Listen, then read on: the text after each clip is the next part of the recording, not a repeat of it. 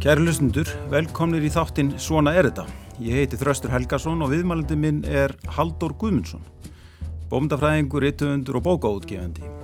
Haldur hefur á síðasta áratug stýrt þáttöku Íslands og Noregs sem heiðurskesta bókamessunar í Frankfurt. Hann var útgáfustjóri um alls og menningar um árabil og sömulegðis ettu miðlunar og útgáfu. Hann er stjórnaformaður forlagsins sem hljóðbókarísinn Storytel kefti að tveimur þriðjur hlutum fyrir stuttu. Haldur hefur því yfirgrifs mikla þekkingu og bókaótgáfu sem verður aðal umræðu efni okkar hér í þættinu. Haldur, velkomin í þáttinn. Takk. Við byrjum þetta á klassískri spurningu. Hefur áhyggjur á stöðu bókarinnar? Nei, ég, ég held sko, þú veist, það er þannig með kultúrpessimismann að á endanum hefur hann rétt fyrir sér, alveg svo svartísmenn hafa rétt fyrir sér á endanum, Já. en það er bara ekki sko gaman á meðan og, og mín skoðun er svo að ef við horfum yfir þetta síðustu bara frá tíma Gutenbergs mm. þá hefur bókin og form hennar haldist ótrúlega vel og hún hefur staðið af sér allt þetta sem átti bara að klára bókina fyrst útvarpið er mitt svo sjónvarpið og, og svo vídeóið og, og allt sem hefur komið Það sem við höfum hins vegar séð á síðustu árum er til dæmis á ennskum bókamarkaði, að breskum bókamarkaði, síðustu tíu ár, þá hefur sala á prentuðum bókum aukist. Þó það komið svona samdráttirinn á milli, þá í heildina hefur verið veruleg aukning og svo er náttúrulega hljóðbók, eh, sem myndist á ynganginum, hljóðbækur og hlusta hljóðbækur er líka lestur og, og því er til dæmis spáð að uh, hljóðbókarsal á þessu ári munu aukast um 25% í heiminum. Það þýður auðvitað að það eru æg fleiri að lesa. Núna er viss formbreyting í gangi en, en til og með spreski bókamarkaður en þá eru 80% prentaða bækur. En, en uh, útgáða hefur dreyið saman á Íslandi? Já, það er alveg hár rétt og, og, og það er erfitt að horfa yfir þessi síðust tíu ár og, og, og hérna tölulegu þróun. En þá þurfum við aðeins að hafa í huga hverskonar þegar að eh, ég er í útgáfun á sínum tíma þá eru til og meins orðabækur alveg fundið fjö fyrir útgáfu. Uh, seljast vel, eru dýrverk og, skipta miklu máli og þurfa að vera til á hverju heimili. Þessi tíma er liðin mm. það kaupir engin prentaða orðabóklingur alfræðibækur svona almenn uppflettriðt, þetta er horfið. Kjenslubækur hafa horfið að mjög miklu leiti. Ég er alveg samfærður um svona sem prentaðar útgáfur og ég er alveg samfærður um að við myndum líta til uh, útgáfu á fagbókmentum og á bókum almenns eðlis eins og non-fictionalum kvöld á íslensku, mm. þá hefur hún haldið ótrúlega vel velli og í fyrra gerist það í fyrsta sinn að bóklestur eikst aftur á Íslandi ef markam á sölutölur og það eru auðvitað þessi mikli vöxtur í, í hljóðbókun. Einmitt. Og, og hljóðbækun það sko uh, nótkun á hljóðbókum hefur aukist eins og segir og það þýður auðvitað að fólk sækist enn eftir innihaldi þetta bóka. Þetta eru sömur sögurna sko. Þetta, þetta eru Ég, ég veit ekki hvað það er en segjum ég að ég hátt í sko 20.000 áskröfundur af einhvern svona streymisveitum á Íslandi og, og maður getur bara ímynda sér hvað eru margir að hlusta og þetta eru sömu sögur og sömu bækur og, og íslenski rítumundar hafa verið að skrifa. Mm. Við hefum ennþá eftir að sko þróa meira sjálft hljóðbókaformið. Já. Það er hægt að gera og leika sér með allskins sluti þar. Það eru þetta bara margt af því sem má læra af einmitt útvarfi. Mm. Og svo ef við horfum á heimin allan þá eru þetta þeim sem kunna að lesa í heiminum, þeim fjölgar stöðut þannig að það er kannski, það er kannski svona e, freka bjart framöndan í þeim skilningi. Í þeim skilningi, en þar er náttúrulega sko ákveðin líðræðishalli mm -hmm. vegna þess að það hefur lengi verið þannig að þeir sem lesa, lesa æg meira mm. en þeim fjölgar líka sem les ekki neitt mm. ef við horfum á, á veröldina í heilt og það er hættulegt líðræði, menning og mentun í, í veröldinni. Þannig að áhyggjunar eru, eru sem sé ekki á formunu eða því að menn muni hægt að lesa bækur eða þær sem einhverjum hægt að hverfa áhyggjin eru, eru meira af lestri og, og, og styrk hans í heiminum mm. og, og það að fólk um, lesi ekki sér til ánægju sé hálflæst eða, eða, eða bara hafi gefið þetta alveg frá sér. Sko, maður, maður hefur á, á tilfinningunni að, að, að börn lesi minna núna heldur en áður, ég hef ekkert fyrir mér í því, en það er bara tilfinningin og ég meina mín börn lesa minna heldur en ég gerði þegar ég var barn. Og það eru komni nýjir miðlar sem að freysta og, og taka tíma og bókin eru þetta miðil sem kallar á mikinn tíma þú ert, þú ert lengur að lesa heldur en til dæmis að horfa á, horfa á YouTube myndband eða ja. og svo framvegi sko þannig að, þannig að þetta er svona það, það er eitthvað í uppskriftinni sem kannski passar ekki alveg við Já, veruleika yngri barna. Já, ef við horfum líka bara á Vesturlönd sko, þá, þá er bara miklu meiri samkjafni mm. um tíman sem, sem þú hefur eftirvinnu eða utanvinnu sem er náttúrulega skemmtilegast tímin fyrir flesta mm -hmm. og, og uh, hvað var sagt hér í, hér í hérna þegar COVID-ið byrjar að, að Netflix, sko, þeir sem ekki voru í vinnu eða voru heimhalsir, þeir hafa eitt helmingnum af vökutíma sín fyrir fram að þetta. Og, og það er ekkit sko við því að segja því er heldur ekkit að gangum alltaf og sirkja það að, að, að börn sé að horfa sjónur eða eitthvað slíkt, það bara að þau gerir líka aðra hluti. Mm -hmm. og að bókin sé þannig að þau skrifaðir áhugaverðir hlutir. Mm -hmm. og, og mér sínist það. Mm -hmm. að því, ég veit ekki, maður verður kannski svona þegar maður fylgst með þessu lengi. Veist, það, var, það var á tímabili sagt sko barnabækur, það væri bara ekkit að gerast í því og svo var haft samband, samband við mörg forlu til dæmis á Norðurlöndum og sagt að veri komið hérna bókum drengi í, í ennskum heimavistaskóla sem var að fremja galdra. Mm. og hún var í 600 síður. Og fólk kristi bara hausinn. Og, og ég held sko bara þetta verk og, og framhaldið af því hafi stuðlaði lestri drengja og auðvitað stúrna líka en að því þetta nú svona upphala um strák þá, þá sjáum við að alltaf öru hverju þá bríst sagan í gegn, þá nær sagan til fólks mm. og, og ég, ég get ekki séð fyrir mér mm. að það hætti. Já.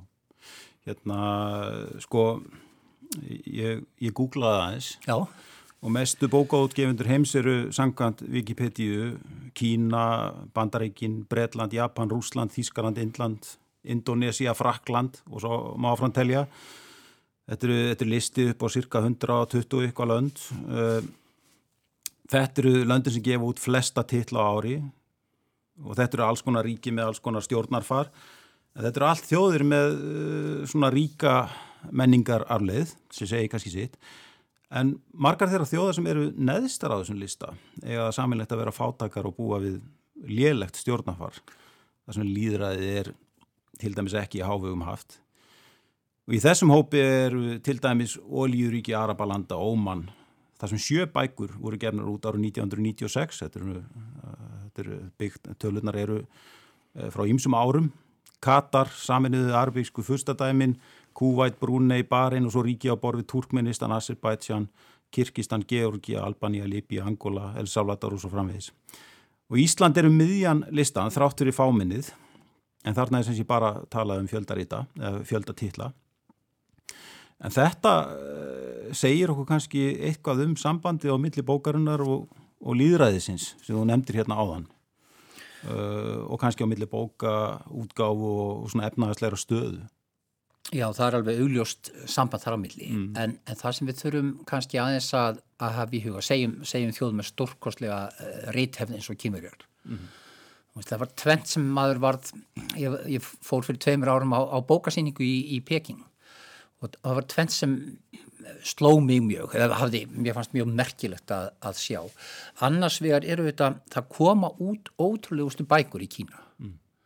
Það, það er gífuleg fjölbreytni útgáfinni og þú getur sest með kímurskum útgefanda og hann er þá sko doktor í Albert Camus og, og, og e, lingur yfir einhverjum módernisma í evróskum bókmyndum frá eftirstrísárum. Mm. En það eru þetta þannig ef það er eitthvað sem er sem er uh, talið að sé gaggrínið á einsflokksveldið og á, á valda struktúrinu þannig, þá kemur það ekki út. Nei. Og það er ymsum aðferðum beitt til þess. Mm -hmm. það, það er til dæmis, mér, mér hafði nú aldrei dótt í hugan, þeir segja til dæmis, já því miður við eigum bara ekki fleiri ESBN-númer. Mm.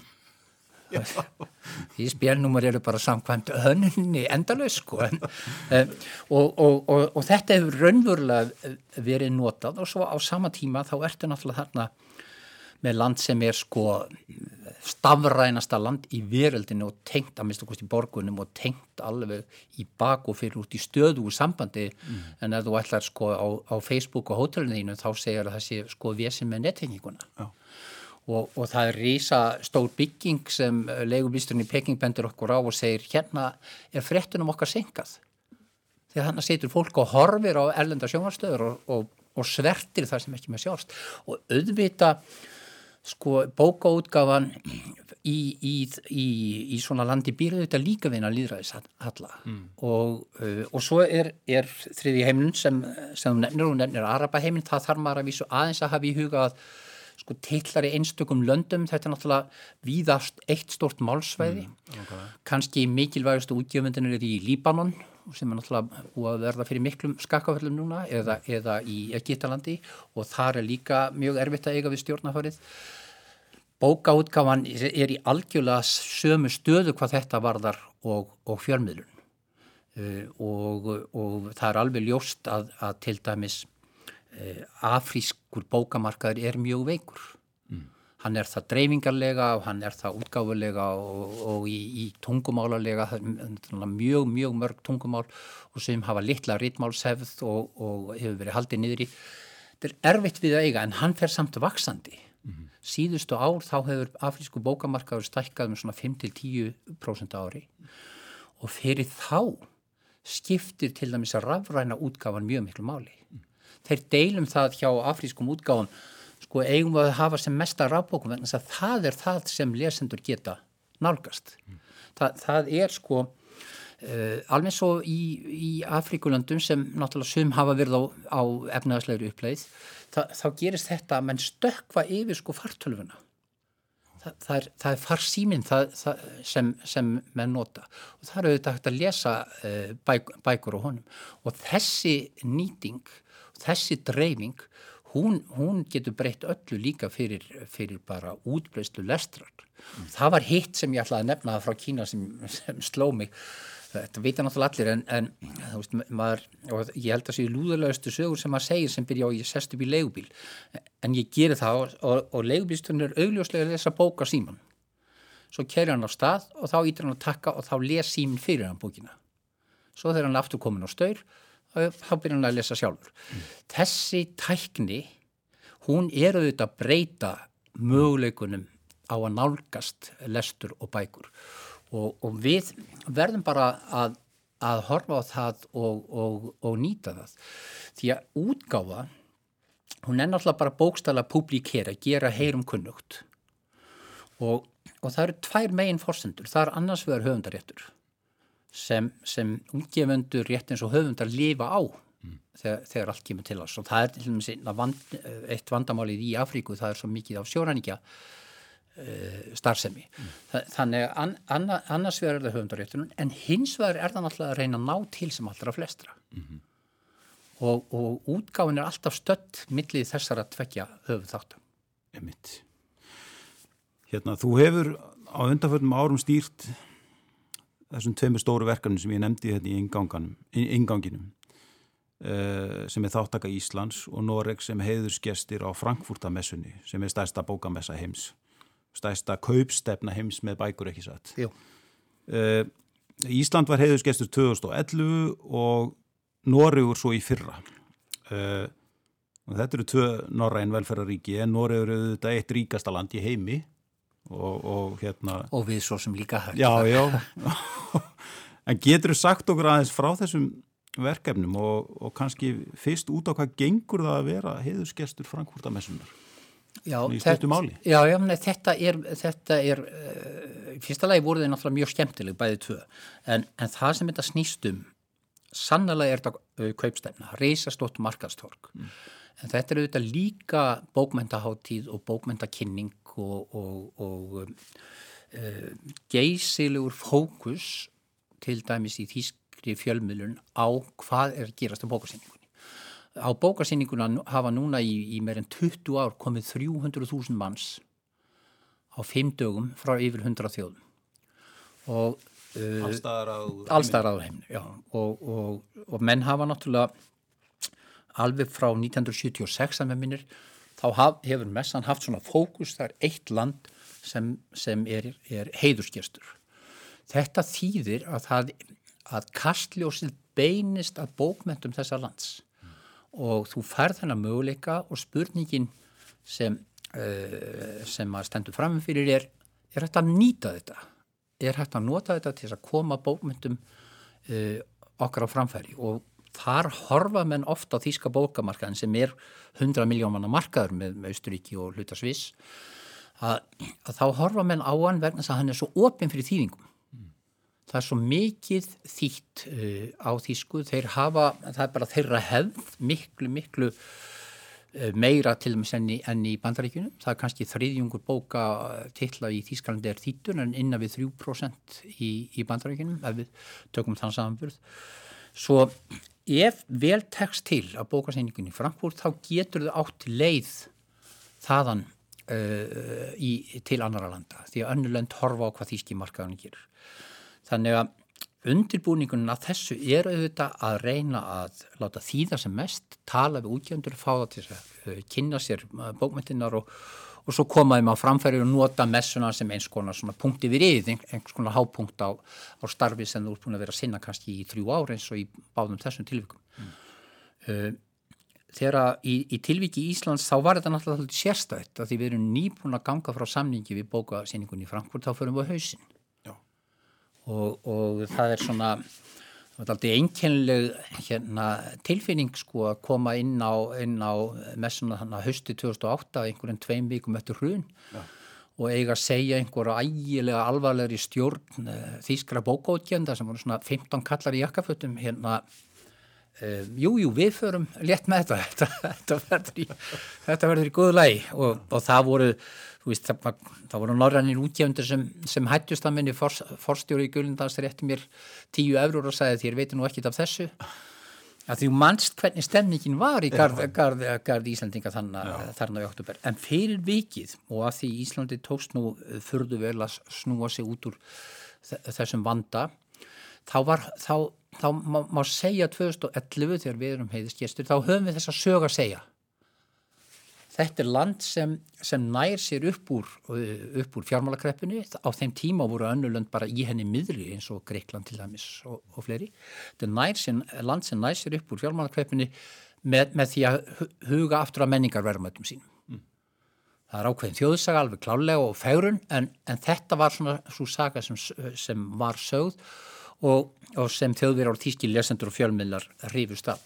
Og það, það að þetta er sem sé utanakomandi aðstæður sem, sem valda því að þetta, þetta e, gekk vel og, og vonandi unnum við líka okkar vinnu. En það gerir það verkum að, að, að normenn spyrja mig hvort þessi til í að gera þetta aftur. Og, og um, það er hösti 2016 eða rétt og sem þeir svona fara e, færa þetta tal. Og það er mjög óvanrægt útlendingar eru yfirleitt ekki látni stíla þessu. Nei og ennþá hörmulegra fyrir normen því raun og veru tala í dönsku ekki, ekki norsku. En auðvitað, ég hafi gefið út aldrei á norskum höfundum og, og, og, og þetta er svona menn sjá þetta auðvitað að utan sem sameigilega menningarheim. Mm. en, en, en aðurstæður voru allt aðrar. Normen voru ekki á hausnum nema eða síður en svo. Þannig að maður þurft að hugsa þetta svolítið öðruvísi. Hvað er það sem við þurfum að gera? Eða svona kannski þrengt sem ég heldur nefna við lögðum mikla áherslu alveg svo íslendingar á bókmyndinar mm -hmm. en við lögðum líka áherslu á að því mikið af norskum höfundum veru þegar þýttir og gefnir út og, og þekktir uh, við um veröldina.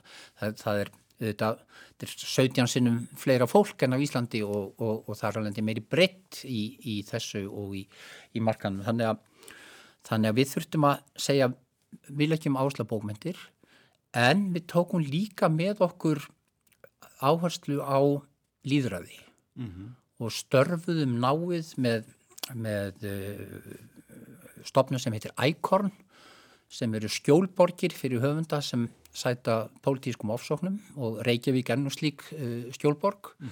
og, en hún hefur svona aðal aðsetur í Nóri og, og það var mikið atriði að koma líka með þá forsendu alveru útgáfu sem við höfum verið að tala um hér aðan sem eru þetta uh, líðræði og málfræsi og brentfrælsi. Mm. Þannig að við höfðum, við byggum til mikla dagstráð þessum þetta var líka til umræðu. Mm.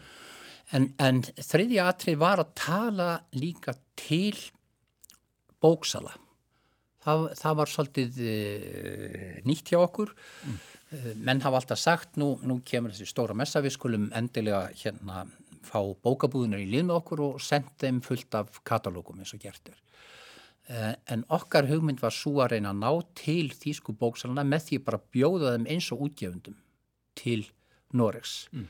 Sína þeim mik mikinn svona heiður og, og, og samstarfsvilja, bjóð upp á fullt af dagskrám um allt Þískaland í bókabúðum og búa til þetta fund höfundar og lesenda sem veru auðvitað það sem allar bókmyndir eh, byggjast á mm. og, og, og þar geta einmitt í löndum eins og Þísklandi bókabúðir haft mikið að segja vegna þess að þær eru ennþá mjög sterkar mm í því landi.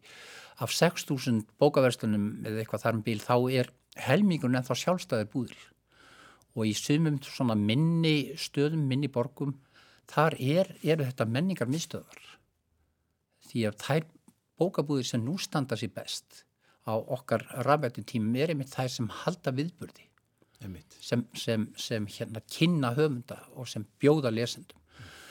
Og þetta, þessi nálgun hún gekk mjög vel upp og, og, og uh, var skemmtileg en auðvitað er enginlegt að hugsa um þetta núna.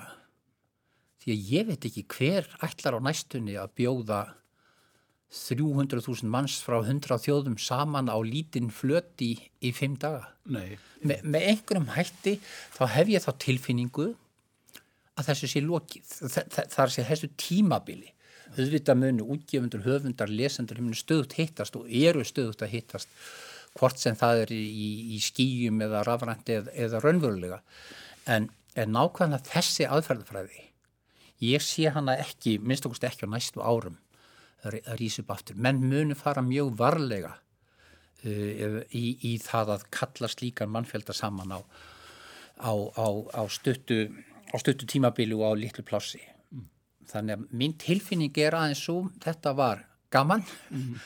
en nú er aðri tíma, nú er þetta Það er engin bókamessa núna? Nei, það er engin, engin bókamessa í ár þeir heldu í þetta alveg sko eins lengi og þeir mögulega gáttu þeir löngu búið að blása af allar bókarsýningar í veröldinni en, en e, nú hafa þeir líka náttúrulega orðið að, gefast upp og, og nú er náttúrulega bara meiri spurning verður einhverju á næsta ári og, og þá þú veist, í hvaða formi mm. verður hún Ma, maður getur spurt sig sko síðan, ok, þetta er þetta er stórt markasetningamál og, og, og vita, meina, við vorum með krómprinsessu og það, það var hérna það var náttúrulega svona sem íslenskur líðveldi sinni náttúrulega er auðvitað að vinna svona mikið með kongafólki en, en allt skiptir þetta máli í því sambandi að, að beina aðteglinni að bókunum sjálfum og, mm. og, og það, það tókst en, en þetta er einhvern veginn uh, sko þetta situr í þýskum lesendum mm. ef við horfum til dæmis til þess hver var árangurinn? Þá, er í, í, í tilvíki Íslands lang aðteglisverðast að horfa á uh, hvað var mikið þýtt af íslenskum bókum segjum þremur árum áður en þetta gert og hvað er mikið þýtt segjum þremur árum eftir. Mm og, og, og síðan áfram. Og, og ég kannski ekki nákvæmar tölur yfir það en ég, ég veit frá, frá miðstöðu íslenska bókmynda hvað var mikið sótt um. Mm. Af þýðingastyrkjum til hversum margra titla og þá kemur við ljós að 2014-15 eru tvísasinu fleiri bækur þýttar úr íslensku en voru þýttar 2006 Þa, no. það, og, og, og svo tala sem sé þetta sé kannski millir 90 og 100 bækur sem er sótt um ári mm. hún, og var mellir 40-50 áður hún hefur haldist no.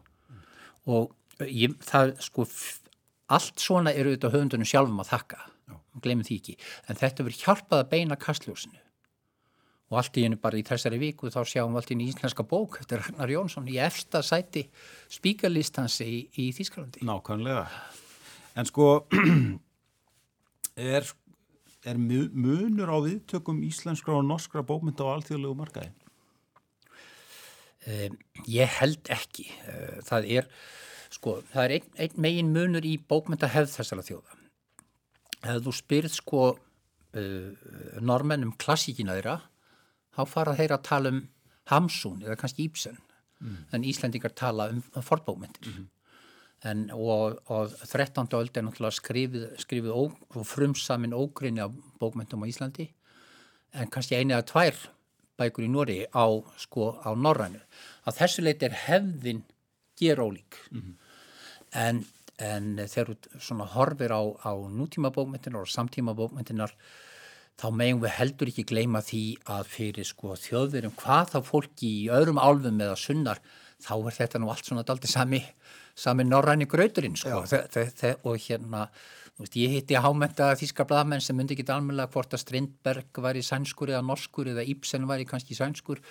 Og þetta er óskup eðlulegt þetta er, þetta er norðrið í þeirra huga og, og, og þess uh, og svona menn hafa kannski ákveðna draum sín um það og þess njóta bæði normenn og Íslandingar í mjög svipuðum mæli. Mm.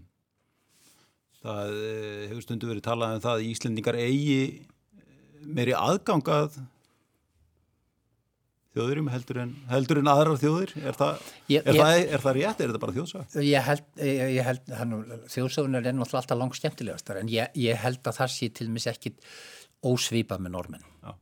Þa, það, er, það er alveg frá því sko hugsaður það nú allir glemt í en grimsbræður þýttu ettukvæði sko það, það er Vagner en nýtti þau og svo framvegs þessi draumur um norðrið hefur verið sterkur með þjóðverjum allan tíman mm. og, og uh, Nóriður er náttúrulega bara svipa á Íslanda stóru leiti bara fjarrri öllum borgum og, og, og mikið svæðu getur farið í, í Finnmörk og, og það er bara eins og íslenska hálendið líkur, líkur við þannig að, þannig að menn láta sér dreyma annars vegar um einhvern einhver svona uh, þjóð sem býr á mörgum siðmenningarinnar og svo auðvitað horfaði til þess að þetta eru samfélög sem eru uh, rík og, og svona frekar jafnbrettis og, og félagslega þengjandi. Um mitt. Sko geta íslenskir bóka útgefundur lært eitthvað af normannum?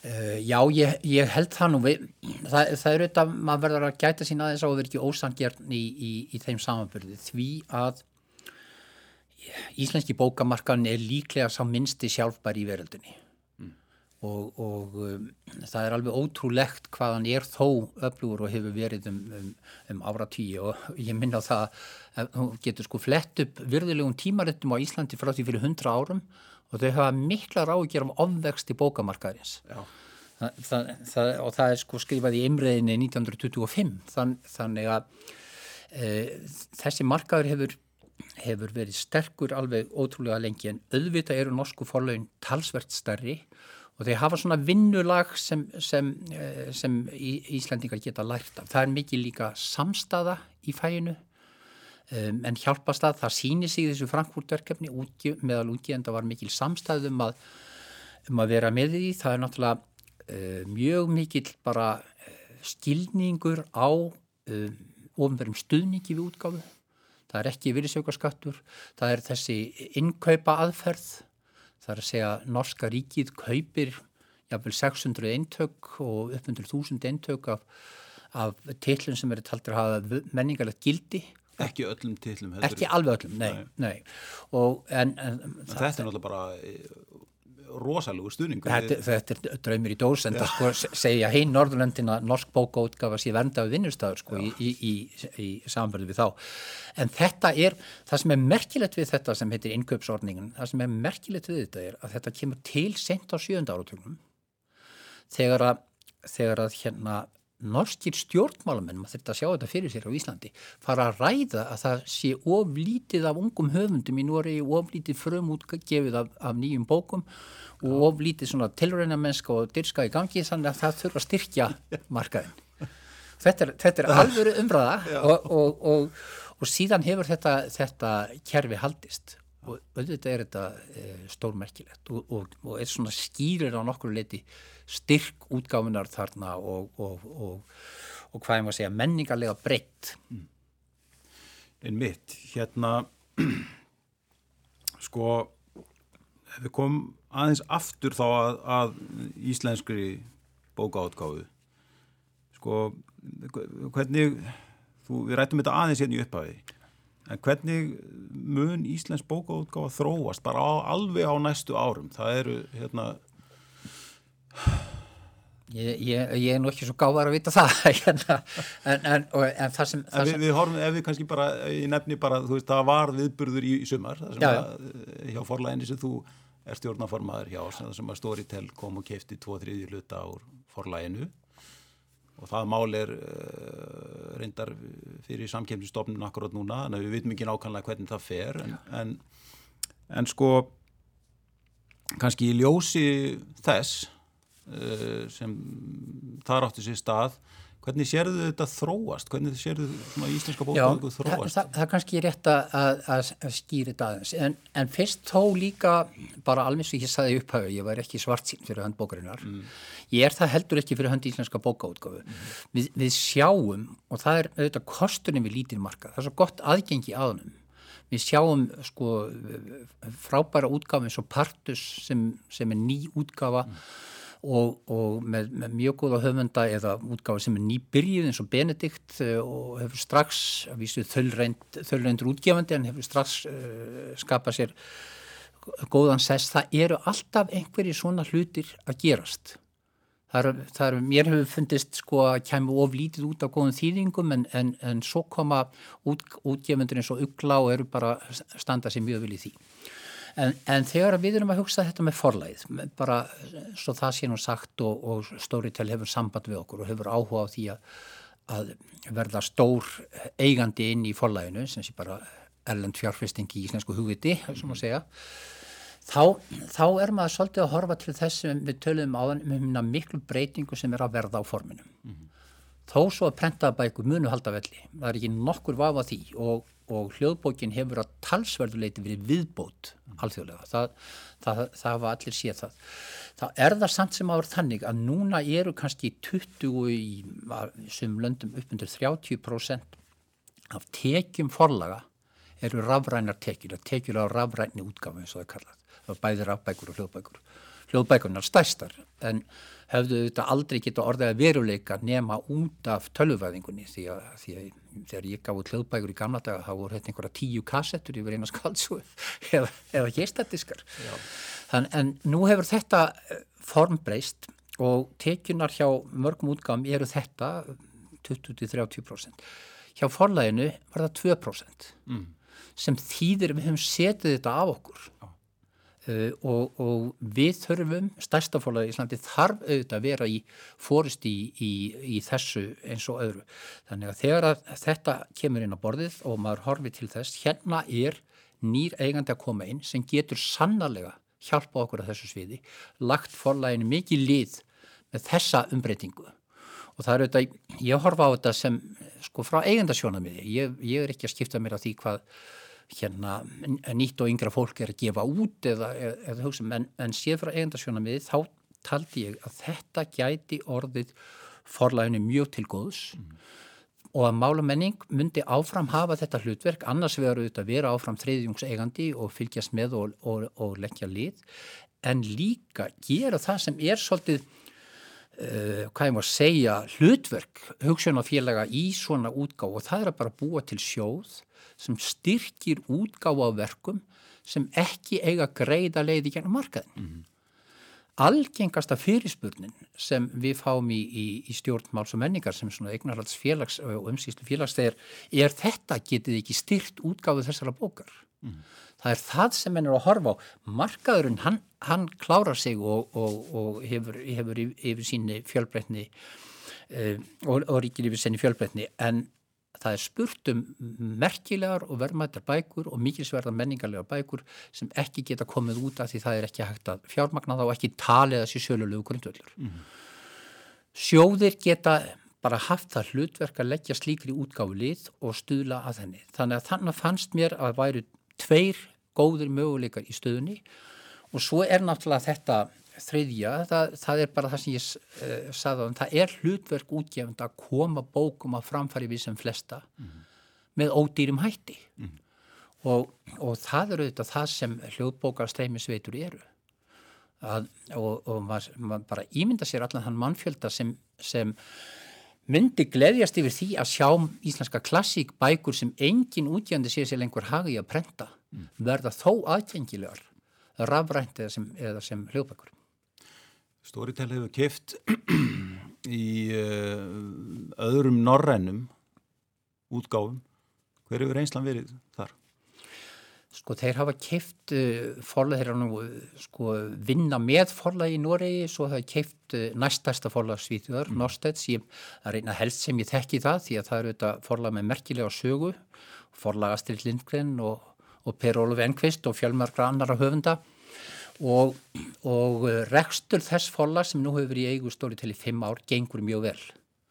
Og það er auðvitað ég, ég þekki það ekki neinu smáatriðum en, en ég þekki fólk sem eru þar bókmyndalegi rítstjólar og svo framvegs og láta vel af því, það er engin afskipti af halvu eigenda en þeir eru öbluri, þeir eru betur fjármagnadir og svo sitja þeir eftir sem áður og semja fyrir hönd sinna höfunda við, við eh, streymisveituna því að auðvita er það þannig að það þarf að tryggja góða afkomi höfunda uh, í, í þessum streymisveitum. Ég, ég horfði upp á það náttúrulega þegar ég vann hjá hörpu eina plötubúðun lokaði sem var þar, öll geistladíska sala hrundi, allt fór inn á Spotify. Það er miklu betra að, að reyna að sko taka þátt í þessu og sjá hvaða ánægur er hægt að ná heldur að sitja hjá. Þetta minnum á, ég held, var það ekki Guðbergur Bergson sem staði einhvern tíma fyrst voru íslenski vinstri menn svo rosalega mikið á móti sjónvarpinu og svo voru þau svo reyður yfir að vera aldrei í því. Það, það, það er daldið þessi hugsun sem ég er að reyna að haldi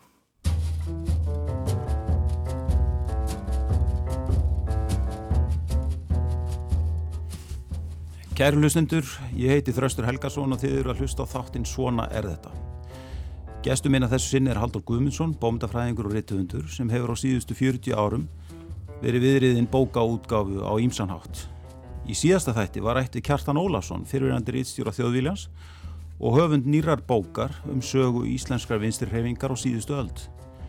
Þar kemur við sögu bókaforlagi Mál og menning sem Kristinni Andrisson stopnaði árið 1937 og Haldur Guðmundsson stýrði síðustu áratíi 20. aldar og fram á fyrstu ár þessar aldar.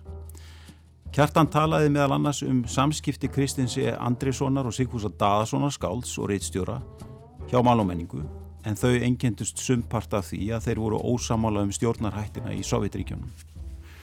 Hægt er að hlusta á Svona er þetta í spilar rúf og í öllum helstu hlaðarsveitum. En e, hann var undir niðri eins og síðar kom fram algerlega frákverfur því að feta í spór kristins hvað varðaði samskiptin við Sovjetríkin og þegar kemur það innráðsinn í Tjekkoslovakíu 1968 e, þá skrifar e, Sigfús Grein og gaggrínir harðlega innráð sinna. Hann er rítstjóri tímarismáls og menningar en Kristinn er líka rítstjóri og hann neytar að byrta greinina.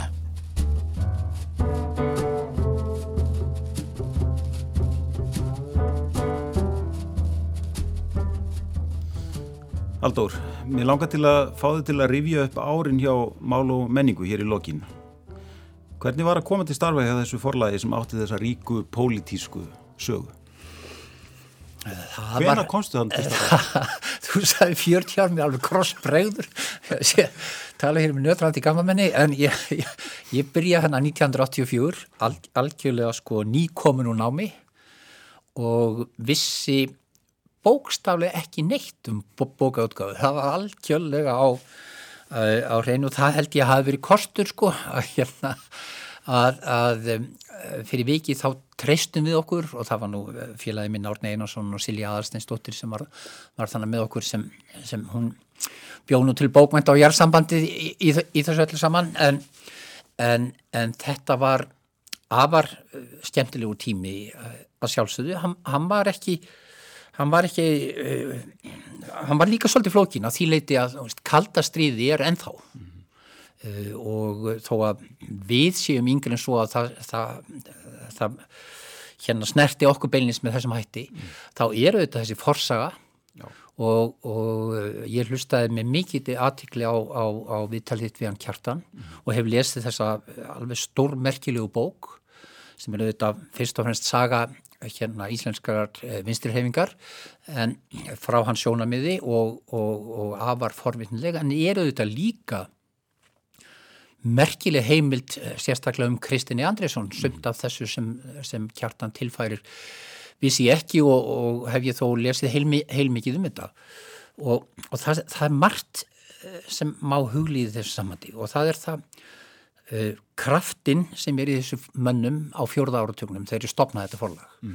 og ég þekkti það auðvitað svo litið, það er, það er hérna uh, afi minn Haldur Stefánsson Rítuðundur, hann er einn af þeim sem stopnar þetta, mm. hann er vinur Kristins alveg aftur í í bernsku þeirra á Eskifyrði og, og, og hann situr með honum í stjórn í marga ára tugi uh, hjá málamenningu, hann er fallin frá fyrir mörgum árum þegar ég byrjaði hana en og, og Kristinn auðvitað e, fallin frá líka en annars að sérðu þannig einhvern áratug sem er alveg ótrúlega merkilegur og það sem þeir minna mikil afreg í, í útgáfu að hafa um sig merkilegt nethöfunda og, og, og, og þar fram til göttum. Og svo sérðu einhverjum á sérilagi þegar líður á kaldastriðið. Kvílík ógæfa og það kemur svo skýrt fram í, í bókjartans kvílík ógæfa sovjetíkjan er uh, fyrir íslenska vinstirhefingu mm. og að lesa um kristin að ferðast millir austur-euróskara landa til þess að retta peningum fyrir mál og menningu mm. sem er í raun og veru tæknilega gjaldfróta og það er verið að ströggla í þessu á sjötta og sjönda áratugnum verulega stór hlut í húsins er byggður fyrir rúsnarska peninga mm. þetta er að vísu hlutir sem, sem hérna Jón Ólafsson síndi eh, fram á sínum tíma í, í rannsóknum sínum og bókinni eh, Kærufélagar mm -hmm. sem, sem eh, við gáðum út hjá málaminningum. Ég fannst það mjög mikilvægt að, að það var við sem kemum þessu á framfæri Já. En ég menna, ég, þú veist næ náttúrulega í skotta á þessum mönnum. Það er einn, einn af hennum gamlu sem segir það við mig erst þú með einhvern mann að snutta fyrir því í Moskvu? Og, og leista ekkit á blikuna. Þannig að þetta annars vegar þessi sovjetíkja sem ekki einu sinni fer eftir innrásinni í Tjekkoslovaki 68 mm. og svo einhver flokksíkja þar sem þú þart sko það, það, það, er, það er ekki hægt að hafa opnar umröður mm.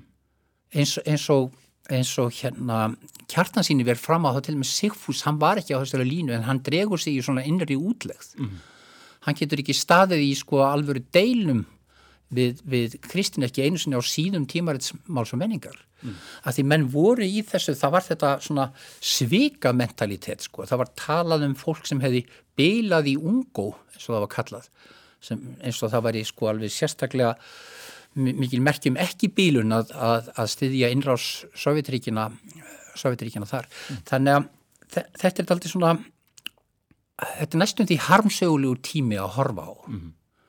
og, og svona, auðvitað er, er maður ekkert innblandaður í en, en ég man eftir þessu, ég man, ég er 12 ára heima hjá aðminnum, það er stjórnarfundur í, í mála menningu í september 1968, þetta er mánuð eftir innrás eða þrem vikum eitthvað svo leiðis eftir innrás rúsa í í, í Tjekkoslovaki og, og þeir eru að nakk rífast um þetta sko Já.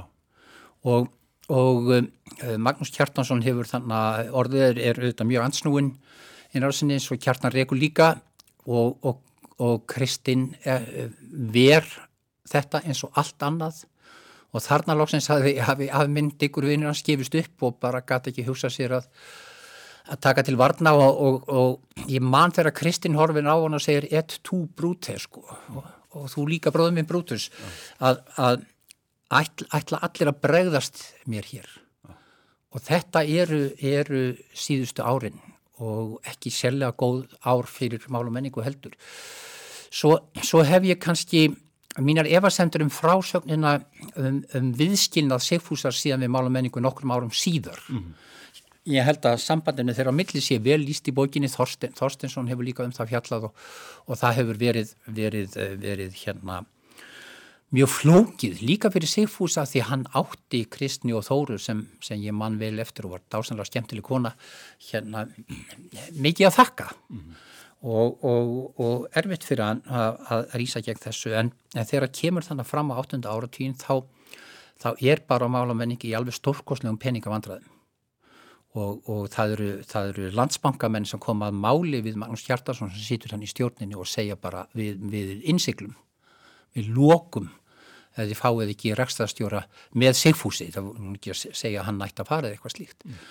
og það er annars vegar þetta að það, að það er, er krafa bankar sem að það komi einhverju þannig að og, og, og sjá um ræksturinn og svo er auðvitað sem er interessant það, og það er ekki pólitíst, það, það er svona menningarpólitíst, það er auðvitað ágræningur um stefnu það er ágræningur um það hversu breið útgáfan á að vera. Maður getur ekki alveg að hugsa um þetta núna en þegar að þetta er að gerast þá er náttúrulega líka nýjir mennis og þröstur og Þorlefur Haugsson sem var með honum og síður kemur Silja og þá, þá er líka áherslu á til með barnabóka útgáfu mm. uh, og Astrid Lindgren verður höfundur uh, hjá málamenningu þetta, menn höfðu miklar evarsendur um þetta. Útgáfan á sjöval og valu hún, hún þótti bara hinn mesta lákúra mm. og en það er engin leið að reka bókafólag á svo svo þröngri sín þannig að það nema að sé það bara einsmanns fyrirtæki mm. en, en til þess að hafa það þurfti að, að hafa meiri breytt og, og það var parturinn af ágræningnum sko. á þessum tíma þá, þá náttúrulega gera uh, þröstur og þorlefi ímislegt sem menn hefði ekki gert áður og ég mann ennþá sem að því mér þótti það mjög fyndi þá sem mentaskólanum eða hvað hann var að hérna þegar að Sigfús er að fara e, þá höfðu þeir gefið út plötu með þeirri ágætu hljómsið þokkabót. Og, og þá skrifar Svarthöfði sem var nú pennanabn Indriðagi Þorstinssonar grein með þessari fyrirsögn Daðason yfirgifur plötusnúðana þannig að það var nú partur af, af þessu. Þetta var, þetta var líka sko stefnumótun forlagsins, hvert, hvert það ætti að fara mm. og, og þessi mál eru daldið úr sögunni uh, og eiginlega alveg úr sögunni þegar ég kem þannig þá er þetta frekar breið útgáfustefna Og, og það var eiginlega okkar hlutverk mest bara að binda slöyfu á þetta kaldastríð sko. Og, þú, þú er ekki fundið einhvern veginn knúin til þess að taka afstöðu til það var, var ekkit allast til þess Nei, nei, nei, nei. Er, þetta, þessar stikrildir hafa verið háðar þegar ég byrjaði sko. ég, ég þekkti náttúrulega Sigfús aðalega bara sem stórkostlegt ljóðskald mm. og svo, svo kenda mér í, í háskólanum sko. og ógleimanlegir tímar sem hann hafði um Hamlet og talaði yfir okkur í sex klukkutíma eiginlega í röðum um Hamlet og saði svo nú er ég búin að segja ykkur allt sem ég veit um Hamlet hvað vil ég því segja? Já. og við sátum stein þegjandi en ég held sem sé að þetta, þessi, þetta erfiða samband sem er þarna með uh, á síðustu árunum með Kristni og Sigfúsi gerði það verkum að Sigfús nöyt sín ekki til full sem bókáðgjandi hann, hann, hann fekk ekki þetta rými sem Kristinn hafði haft sjálfur og því Kristinn vildi aldrei látunum það. Mm. En, en hvað sem þessum harmsögulegu árum Kristins líður, þá má náttúrulega aldrei gleyma því að hann á 10-15 mjög öflug ár sem útgjandi. Mm. Þannig þá er hann að vinna með sínu fólki, með sínum félugum og, og, og sinni kynnslóð. Mm. Og, og hérna, ég hugsa þetta sé oft svona, ekki alltaf ég að líka mér í viðan, en, en ég átti líka svona 10-15 góð ár ja. þar sem maður er að vinna með nýri kynnslóð og, og, og, og nýjum höfundum og er svolítið kannski svona sameilig sína bókmyndinar mm. en pólitíski þátturinn hverjafl útur sem er að minna? Einmitt. Hérna bara stutt í lokin sko Ma, sko, þú kemur þarna 1984 Kristinn hafi verið í einhvers konar stríði gegn móternism á þessum nýju reyfingum í íslenskum bókmyndum og var ósamála, Sigfús var hann ósamála mörguleiti og það er þetta fræga dæmi um Tómas Jónsson Metsulubók sem að útgáðu nefndin hafnar en Sigfús vildi gefa út já, já. og sko hann verður undri í stjórninu, þetta er alveg skjálfilegt maður ráður á þetta þannig já, en það en síðan sér maður sko að þessir höfundamótinistan, þeir koma út síðan á síðara luta nýjönda áratúrins til dæmis já. Og það er bara Tór og Guðbergur og, og fleiri og fleiri sem koma þarna. Þannig að þið kannski eru það rétt að hallan einhvern veginn eða hvað Já, aðalega bara höfðum ekki erft þess, þennan bókmentaskilning sko. Þetta er bókmentaskilningur kreppunar og, og, og hinnar hörðu baróttu sem þá var. Hann, hann skipti ekki máli fyrir okkur. Ég meina, Stefán Hörður Grímsson kom til mín með sín síðustu handrið sem voru algjörlega stórkoslegt stórkoslega og maður satt ekki að hugsaði með sér já, þetta er nú kannski ómikið mótunism ég hugsi ég hafnið þessu sá tími var liðin Einmitt. Hérna, tímin er að laupa frá okkur og ég, það var mjög gaman að fá því í þáttinn, Haldur. Takk fyrir komuna, Já, takk fyrir mig kæru lustendur, við verðum hér aftur að viku liðinni. Góða stundir.